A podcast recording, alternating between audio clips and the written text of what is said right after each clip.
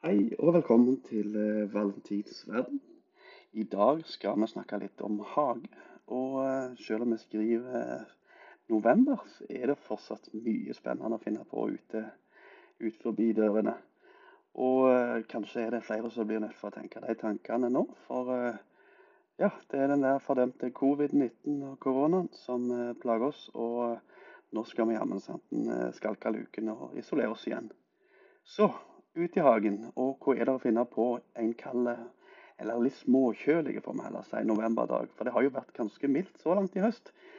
Vel, det er tid for løk. Og det er tid for å begynne på litt sånn der kompostering, sånn at du har fin og flott matjord til sommeren igjen. Og eh, hvorfor ikke kombinere begge deler? Ehm, jeg foreslår at du tar en liten kikk på de forskjellige mulighetene som finnes der ute. Og akkurat nå så er det en masse gode tilbud òg i hagebutikkene. Folk har tenkt at eh, sommeren er over og sesongen er over, men det er nå du virkelig kan gjøre de gode kjøpene på hagesenteret. Så ta deg en tur og se etter løk. Eh, jeg syns det er veldig kjekt å bruke eh, matløk òg. Så ulike typer setteløk det har jeg liggende fra anerkjente aktører, får vi si. Og så er det sånn at stikken en det jorda nå, kanskje blander i godt med løv og, og, blokker og glass og forskjellig du finner, så får du en, en jord som òg står og, og, holder lunken, holdt jeg på si, og komposterer. Pallekamera er jo blitt et begrep eh, som mange kjenner til etter hvert. Det kan brukes til mer enn å lø opp kolli på europaller. Disse pallekameraene de får du nå kjøpt på eh, Biltema, ja, jula osv. Eller du kan snekre de sjøl, ganske enkelt faktisk. Det er helt utrolig hva folk kaster i konteineren i dag. Og er du litt fingernem, så slår du fort sammen en fin pallekam. På egne eller standardmål, det velger du sjøl. En europall er vel typisk 1,20 ganger 80 cm. Og eh, da ligger det litt i kortene at disse pallekameraene følger den eh, standarden.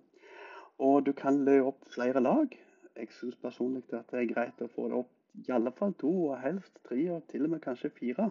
Da begynner du òg å få en veldig fin arbeidshøyde på, eh, på den oppheva bedet ditt. For eh, det du begynner med, det er å hive oppi en haug med løv og rusk og rask. Til og med litt grove pinner kan du hive i. Og så er trikset å få blanda i litt god matjord og kanskje litt eh, kompost. Sjøl så, så, finner jeg som regel disse tingene rundt forbi på på, på barmark. Og så mikser en det i hop. Og så er jeg så heldig at jeg har litt høner og sånn som så lager litt grann fin gjødsel, litt, litt skit som en kan blande i. Da får du en skikkelig kruttblanding. Men som sagt, det ligger lauv overalt. Bare rake det sammen og blande i en fin eh, bånd. Og så sparer du litt jord òg. Eh, toppdekket det må du selvfølgelig kanskje en liten tur til, til hagesenteret for å kjøpe. Men eh, er du litt kreativ, så kommer du langt der òg. Som sagt, legg løken ned i jorda opp og si i alle fall en 15, eh, kanskje til og med ja, 15-20 cm, sånn at du tror han ligger frostfritt. Er du en av de som kanskje syns det er kjekt med planter som jordskokk, så er du jo ikke så farlig, for den har jo en slags naturlig frostvæske i seg. Du kan faktisk høste jordskokk hele året, har jeg forstått. Men eh, når det gjelder løken, så må du iallfall få den litt ned i jorda, sånn at den ikke blir bitt av frosten hvis du bor i et område hvor, hvor det er litt utsatt. Um, ja, som sagt, kom deg ut.